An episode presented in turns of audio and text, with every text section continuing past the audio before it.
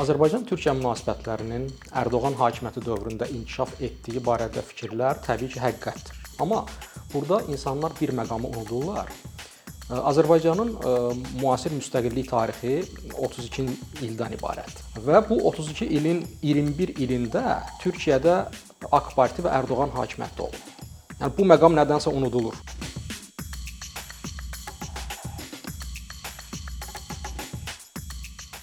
Şahin bəy salam, xoş gördük sizə ikincidə. Mayın 14-də Türkiyədə çox vacib bir seçki var. Eyni gündə həm prezident seçkiləri, həm parlament seçkiləri baş tutacaq və bu seçkini əvvəlkilərdən daha belə prinsipial eləyən həm də Türkiyədəki mövcud iqtisadi, sosial vəziyyətdir. Çünki son illərdə Türkiyə iqtisadiyyatı ciddi problemlər yaşayır və bu da təbii ki, insanların narazılığını artıra bilər. Digər tərəfdən müxalifət partiyaları da bu seçkiyə ittifaq şəklində daxil olurlar. Ona görə də əvvəlki seçkilərə nəzərən Ərdoğanın opponentlərinin daha çox şansı olduğu gözlənilir. Amma təbii ki, Ərdoğan da yenə də ən favorit namizədlərdən biridir. Hələ də xalqın əhəmiyyətli bir hissəsi onu dəstəkləyir. Digər tərəfdən Türkiyə Azərbaycan üçün hər zaman ən yaxın ölkə olubdu, həm siyasi cəhətdən, həm mədəni cəhətdən. Bu baxımdan Türkiyədəki seçkilər və onun nəticələri artıq Azərbaycanda da geniş ictimai müzakirələrə səbəb olur. Və bu müzakirələrdə bizim rastlaşdığımız tezislərdən biri də budur ki, Ərdoğan tərəfdarlarının təbii ki, Azərbaycan və Türkiyə münasibətlərinin siyasi olaraq bu qədər yüksək səviyyəyə çatması məhz Ərdoğanın xidmətləridir. Çünki ondan əvvəlki dövrdə Türkiyə-Azərbaycan münasibətləri bu qədər yüksək səviyyədə deyildi. Elə söhbətə bundan başlamaq istəyərdim ki, siz bu fikirlə razısınızmı? Doğrudan da mı Türkiyə və Azərbaycan münasibətlərinin bu qədər yaxşı səviyyədə olması Ərdoğanınmı xidmətləridir? Azərbaycan-Türkiyə münasibətlərinin Ərdoğan hakimiyyəti dövründə inkişaf etdiyi barədə fikirlər təbii ki, həqiqətdir. Yəni bu inkar olunmaz həqiqətdir. Amma burada insanlar bir məqamı unudurlar. Azərbaycanın müasir müstəqillik tarixi 32 ildən ibarətdir. Yəni bizim bu il müstəqilliyimizin 32-ci il dönümünü qeyd edəcəyik. Və bu 32 ilin 21 ilində Türkiyədə AK Parti və Ərdoğan hakimiyyətdə olub. Yəni bu məqam nədənsə unudulur. Yəni bu 32 il ərzində bunun 21 ilində Türkiyədə bugünkü hökumət iş başında olub və təbii olaraq bu müddətdə iki tərəfli əlaqələr inkişaf edib. Yəni hakimiyyətdə kim olsaydı, məhz bu əlaqələr inkişaf eləyəcəkdi. Yəni bu baxımdan bizim insanlar o vacib məqamı unudurlar. Başqa bir unudulan məqam da ondan ibarətdir ki, burada bu Azərbaycan-Türkiyə münasibətləri qiymətləndirilərkən yalnız Türkiyə istiqamətindən bu məsələyə, mövzuya baxış var. Halbuki Azərbaycan istiqamətindən də bir baxış bucağı ortaya qoymağa ehtiyac var. Yəni bu Ərdoğanın hakimiyyətdə olmadığı, digər siyasi qüvvələrin hakimiyyətdə olduğu bu 11 illik dövrdə 11 illik dövr Azərbaycanın müstəqilliyinin ilk illərinə təsadüf eləyirdi. Yəni bizim müstəqilliyimizin də ilk illərində Azərbaycanda hansı vəziyyətin mövcud olduğunu yəqin ki, hər kəs bilir. Yəni o dövrü yaşayan insanlar təbii ki, daha yaxşı bilir. Gənclər də yəqin ki, oxuyublar, maraqlanıblar. Yəni bizim müstəqilliyimizin ilk illərində müəyyən bir xaos dövrü oldu. Yəni 90-cı illərdə 90-cı illərin ortalarının əvvəlləri və ortalarında bir xaos dövrü idi Azərbaycanda. Məsələn, müstəqillik elan olundu 91-ci ilin sonlarında, oktyabrında. O zaman Ayaz Mütəllibov hakimiyyətdə idi. Amma 92-ci ilin martında Mütəllibov istefaya getdi. Sonra may ayında yenidən geri qayıtmağa cəhd göstərdi və xalqın etirazları nəticəsində bu da baş tutmadı, hakimiyyətə qayıda bilmədi və Xalq cəbhəsi hakimiyyətə gəldi. Yəni bir xaotik bir dövr oldu. Xalq cəbhəsi hakimiyyətə gələndən sonra onların da dövründə baş verənlər məlumdur. Yəni stabil bir hökumət qurmaq mümkün olmadı və cəmi 1 il hakimiyyətdə qaldılar. Bu 1 illik müddətdə də xarici siyasət kimi mürəkkəb bir sahədə strategiya hazırlayıb ortaya qoymaq və onu reallaşdırmaq təbii ki, mümkünsüz bir şeydir. Yəni 1 il bunun üçün çox olduqca qısa bir müddətdir. Ondan sonra da Heydər Əliyev hakimiyyətə gəldi və bəli, Heydər Əliyevin hakimiyyəti dövründə tədricən Azərbaycanın bir xarici siyasət konsepsiyası və ya xətti və ya strategiyası bir ortaya çıxdı. Yəni görünməyə başladı. İndi mən bu xarici siyasətin düzgün və ya yanlış olduğunu demirəm. O ayrı söhbətin mövzusudur, amma yəni Azərbaycan xarici siyasəti ilk dəfə olaraq Heydər Əliyev hakimiyyətə gəldikdən sonra formalaşmağa başladı və Heydər Əliyev də ə, məsələn Elçibəydən fərqli olaraq ə, tamamilə Türkiyə ağırlıqlı ə, bir xarici siyasət yerinə daha balanslaşdırıcı bir xarici siyasət konsepsiyası ortaya qoydu. Yəni bu regionda, bu regionun əsas oyunçuları olan bizim böyük qonşularımız olan Rusiya ilə də, İranla da normal münasibətlər qurmağa çalışdı və buna da nail oldu əslində. Yəni Əliyev gəldikdən sonra Azərbaycan MDB-yə üzv oldu. Hətta kollektiv təhlükəsizlik müqaviləsi təşkilatı təsis olunanda 99-cu il idi səhv eləmirəmsə, Azərbaycan o təsisçilərdən biri oldu. Yəni Rusiya ilə münasibətlər yaxşılaşdırıldı, İranla münasibətlər yaxşılaşdırıldı. Eyni zamanda Heydər Əliyev Qərbin də maraqlarını müəyyən qədər nəzərə alan bir siyasət ortaya qoydu. Yəni bu xarici siyasət tamamilə Türkiyə ağırlıqlı bir xarici siyasət deyildi və mütləq Türkiyə ilə müttəfiqlik qurulmasına yönəlmiş bir xarici siyasət də deyildi. Hətta mən o faktı da xatırladım ki, 95-ci ildə bir OMON hadisələri oldu Azərbaycanda, OMON qiyamı və o dövrdə Türkiyə ilə münasibətlərdə müəyyən problemlər yarandı. Çünki o, o qiyam hadisəsində ə, Türkiyə dövlətinin bəzi strukturlarına bağlı insanların da iştirakı ə, ortaya çıxmışdı ə, və hətta o hadisələrdən sonra Türkiyənin Azərbaycandakı səfiri Altan Karamanoğlu qeyri-rəsmi olaraq e, arzu olunmaz şəxs elan olundu. Yəni bunu rəsmi olaraq Azərbaycan hökuməti elan etmədi, amma Altan Karamanoğlunun geri çəkilməsini Türkiyə hökumətindən tələb etdi və onlar da o səfiri geri çağırdılar. Yəni Türkiyə ilə münasibətlərdə də heç də hər şey rəvan getməyib. Yəni bunu bizim insanlar nəzərdən qaçırır, amma Türkiyə ilə ikitərəfli münasibətlərin qurulmasında da bu cür müəyyən ziqzaqlar olmuşdu, problemlər yaşanmışdı. Yəni e, demək istədiyim odur ki, Türkiyə-Azərbaycan münasibətlərinə bir tərəfli baxmaq olmaz. Burada Azərbaycan nöqteyi nəzərindən də məsələyə yanaşanda görürük ki, həm Azərbaycanın müstəqilliyinin ilk illərində xarici siyasətin formalaşmasında yaranan problemlər, eləcə də Türkiyə ilə ikitərəfli münasibətlərdə yaranan müəyyən anlaşılmazlıqlar o dövrdə münasibətlərin inkişafını müəyyən qədər ləngidib və bu fakt doğrudur. Bunu qeyd etmək lazımdır. Yəni Yəni demək istədiyim odur ki, bu 21 illik dövrdə, yəni Ərdoğan hakimiyyətinin 21 illik dövründə ikitərəfli münasibətlərin inkişafı təbii ki, normaldır və başqa bir siyasi qüvvə də hakimiyyətdə olsaydı Türkiyədə münasibətlər yenə inkişaf eləyəcəkdi. Eyni zamanda bir məqamını da unutmaq olmaz ki, dövlətlərarası münasibətlərin qurulması və inkişafı vaxt tələb edən bir prosesdir. Yəni bəzən insanlara elə gəlir ki, bu münasibətləri elə tutaq ki, bu gün biz müstəqil olduq, sabah dərhal Türkiyə ilə hər cür münasibət qurub inkişaf etdirməliyik. Bu bir günün içərisində baş verən bir hadisə deyil. Bu müəyyən bir zaman müddəti, zaman kəsimi tələb edən bir məsələdir və Türkiyə-Azərbaycan münasibətlərini də biz ötən illərdə inkişaf istiqamətlərinə, tendensiyasına nəzər salanda görürük ki, tədricən münasibətlər qurulub və inkişaf etdirilib. Xüsusən də bizim xalqı maraqlandıran məsələ bu münasibətlərin hərbi komponentidir, bilirsiniz. Hərbi müttəfiqlik və Türkiyənin Azərbaycana bu 2-ci Qarabağ müharibəsində göstərdiyi hərbi yardım.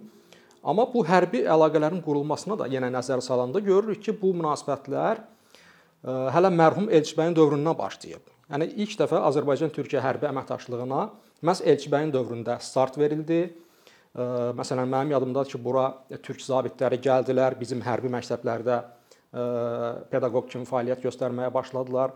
Azərbaycan ordusunun quruculuğunda iştirak etdilər və hətta prezident Elçibəyin müşavir hərbi müşaviri türk generalı idi. Yəni münasibət hərbi münasibətlərin əsası o vaxt qoyuldu və ondan sonrakı dövrdə də tədricən inkişaf etdi və Burada da e, xüsusi önəm daşıyan e, sənəd 2010-cu ildə imzalanmış Azərbaycan-Türkiyə strateji tərəfdaşlıq və qarşılıqlı yardım haqqında müqavilə idi. O çox önəmli müqavilədir. O nədənsə nədənsə səbəbini mən az-çox təxmin eləyirəm. O müqavilənin altında yəqin ki, Abdulla Gülün imzası olduğu üçün o çox reklam olunmur o müqavilə. Daha çox Şuşa bəyannaməsinə istinad olunur. Halbuki Şuşa bəyannaməsinin mətninə nəzər salanda görürük ki, Oradakı əsas müddəalar, yəni qarşılıqlı hərbi yardım haqqında müddəalar məhz 2010-cu ildə imzalanmış müqavilədən götürülüb. Yəni copy paste edilib əslində. Yəni 2010-cu ildə imzalanan o müqavilə çox önəmli idi və o müqavilənin imzalanmasından sonra Azərbaycan-Türkiyə hərbi əməkdaşlığında yeni bir mərhələ başladı və birgə hərbi təlimlərin keçirilməsi, iki ölkə ordularının müəyyən arasında inteqrativ proseslərin başlaması məhz ondan sonra ondan sonraya təsadüf eləyir. Yəni bu hərbi əlaqələr də birdən-birə ortaya çıxmadı. Məsələn, birdən-birə tutaq ki, 2020-ci ilin nə bilim avqust ayında Ərdoğan demədi ki, gəlin artıq Azərbaycanla hərbi əməkdaşlığı gücləndirək və bu məsələni həll edək. Yox. Yəni o o məqamın yetişməsi üçün də müddət lazım idi və o müddət də yəni nəzər salanda görürük ki, 2010-cu ildən üzübəri bu hərbi əlaqələr daha da intensivləşdi və son nəticədə gəldi ona çıxartdı ki, Qarabağ müharibəsində Türkiyə Azərbaycana ciddi bir hərbi yardım göstərdi. Bəli, bu Türkiyədə potensial hakimiyyət dəyişikliyi ilə bağlı Azərbaycanda gedən müzakirələrin bir xətti də, əsas xəttlərindən də biri odur ki, bəzi vətəndaşlar düşünür ki, əgər Türkiyədə mövcud iqtidar dəyişərsə və konkret olaraq Millət İttifaqı hakimiyyətə gələrsə, Türkiyənin Azərbaycana dəstəyi səngəyə bilər, Azərbaycanın maraqlarını əvvəlki qədər prioritet hesab etməyə bilər və bunu da ona əsaslandırırlar ki, orada müxtəlif ideologiyalara xitab edən, müxtəlif siyasi xətti olan partiyalar var. Bu baxımdan sizin yanaşmanız maraqlıdır ki, əgər potensial olaraq Türkiyədə iqtidar dəyişikliyi baş verərsə, bu Türkiyənin Azərbaycanla bağlı xarici siyasətinə hər hansı bir ciddi dəyişiklik gətirə bilərmi? Türkiyənin Azərbaycanla bağlı bir vahid dövlət siyasəti var və Türkiyənin bütün aparıcı siyasi partiyaları, yəni sistem partiyaları deyə biləcəyimiz partiyalar, hansı ki, bura müxalifətin aparıcı partiyaları da daxildir. Yəni onlar Azərbaycan məsələsində demək olar ki, tam həmrəy idilər. Yəni bu baxımdan mən Türkiyədə hakimiyyət dəyişikliyi baş verərsə, Azərbaycanla münasibətlərdə radikal bir dəyişikliyin yaranacağını gözləmirəm. Ən azından məlum olan odur ki, Türkiyə-Azərbaycan münasibətlərindəki münasibətlərini tənzimləyən bütün o müqavilə hüquq bazasına yeni hökumət də tam əməl eləyəcək. Yəni buna hər hansı bir şübhə və tərəddüd ola bilməz. Sadəcə olaraq, yəni dəyişiklik təbii ki, olacaq. Yəni yeni siyasi qüvvə hakimiyyətə gəlirsə, onun təbii ki, əvvəlkindən fərqli bir dəstxətti olur. Bu baxımdan əlbəttə ki, dəyişiklik olmayacağını söyləmək yanlış olar. Dəyişiklik olacaq. Amma harda olacaq, necə olacaq? Biz bilirik ki, yəni Azərbaycan kimi e, ölkələr üçün yəni demokratiyanın tam oturuşmadığı, yəni institutların tam formalaşmadığı ölkələrdə siyasətçilər arasında, dövlət rəhbərləri arasındakı şəxsi əlaqələr də mühüm rol oynayır. Yəni bir tərəfdən rəsmi müstəvidə əlaqələr qurulur, ona paralel şəxsi əlaqələr müstəvisi də mövcud olur. Bu baxımdan hər iki ölkədə uzunömürlü hökumətlər var. Yəni Ərdoğan 21-ci ildə artıq hakimiyyətdədir. İlham Əliyevin də bu il prezident prezidentliyinin 20-ci ili tamamlanır.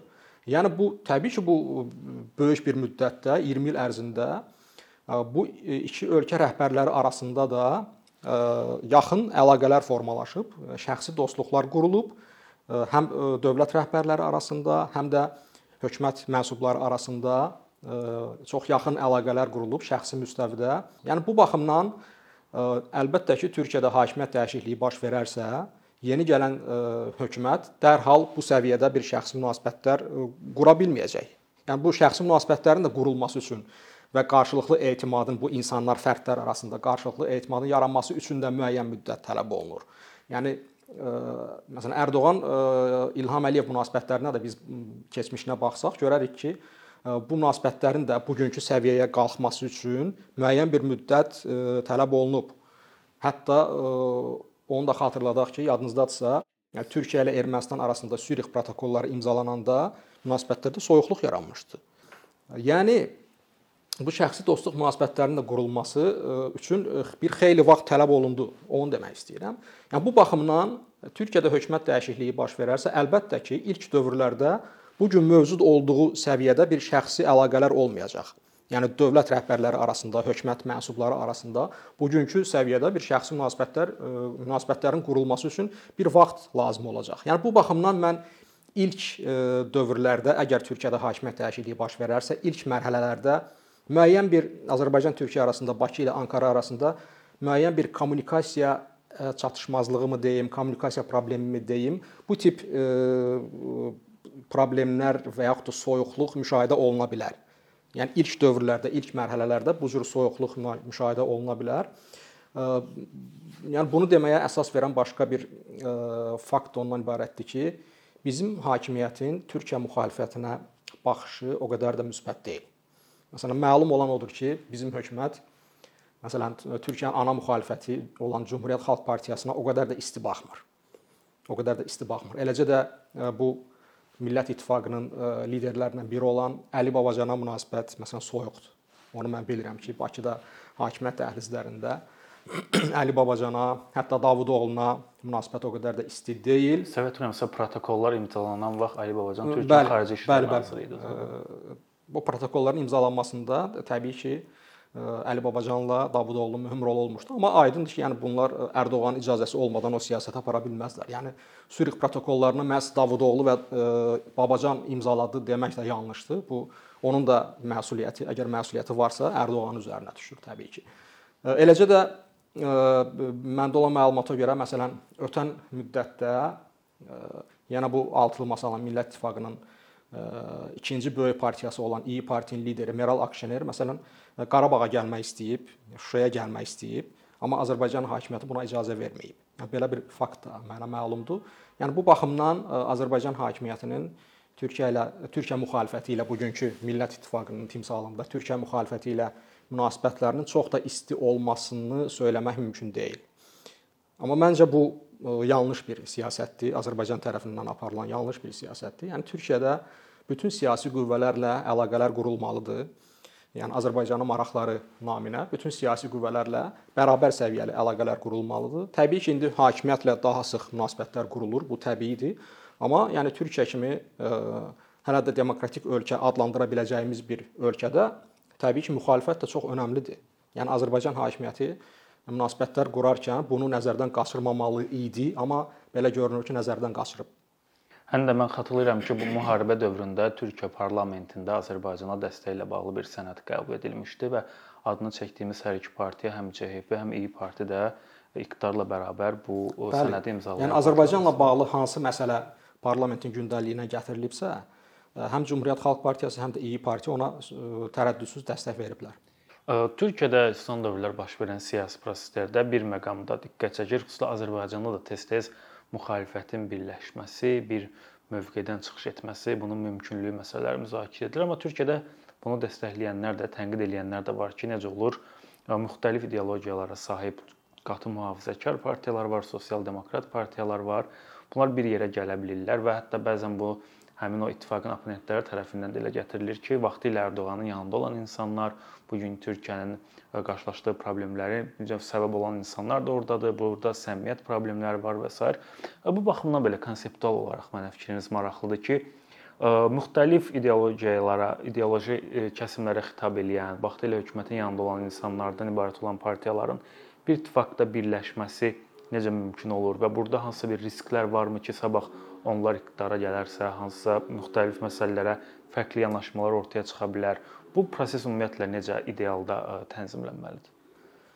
Türkiyə müxalifətinin önəmli bir hissəsinin, yəni hamısı birləşməyib təbii ki, amma önəmli bir hissəsinin birləşməsinin əsas səbəbi ölkədə yaranmış vəziyyətdir. Yəni ə, heç kim üçün sirr deyil ki, Türkiyədə xüsusən son illər bu avtoritarlaşma meylləri ciddi şəkildə gücləndi. Ə, 2018-ci ildə baş verən sistem dəyişikliyi və prezident üsul idarəsinin ə, gətirilməsindən sonra bu avtoritarizm daha da möhkəmləndi hüquq və azadlıqların məhdudlaşdırılması prosesi başladı və ə, belə bir təhlükə artıq üfüqdə görünməyə başladı ki, əgər bu proses davam eləyərsə, artıq Türkiyədə seçki institutu da təhlükəyə düşəcək.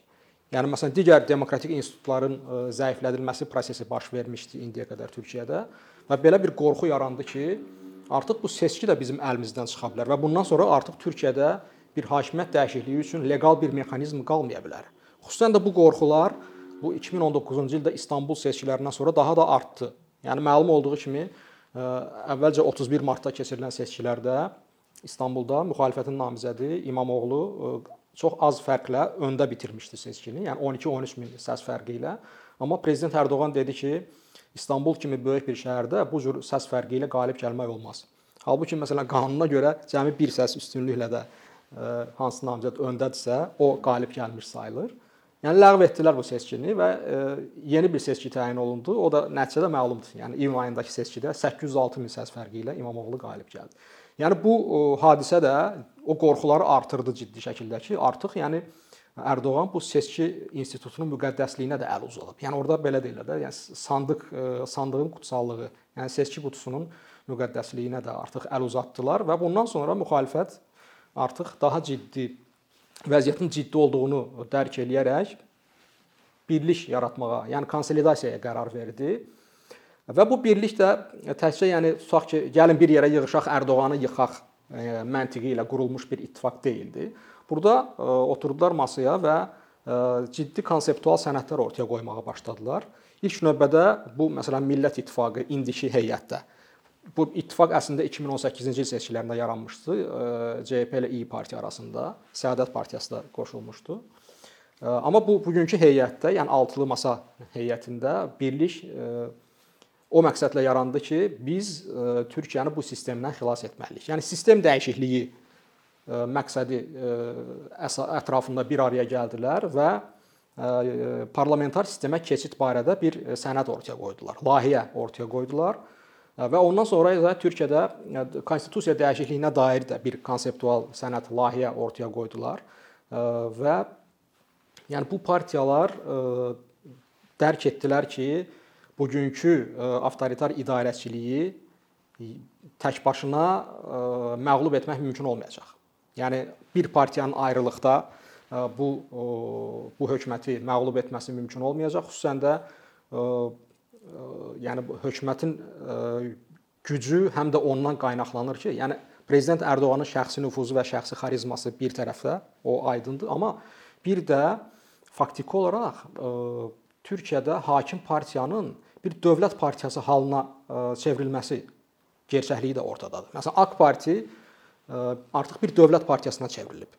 Məsələn, təxminən daha yaxşı anlaşılması üçün deyim, məsələn, SSR dövründə Kommunist partiyası hansı rolu oynayırdısa, təxminən ona eyni yox təbii ki, amma təxminən ona bənzər şəkildə bu gün AK Parti də Türkiyədə o rolu oynayır. Yəni AK Partinin dövlətləşməsi prosesi başladı və yaxud da belə deyək, dövlətin partiyalaşması prosesi başladı. Yəni hakim partiya ilə dövlət strukturları bütövləşdi. Və bu da ciddi bir təhlükə idi.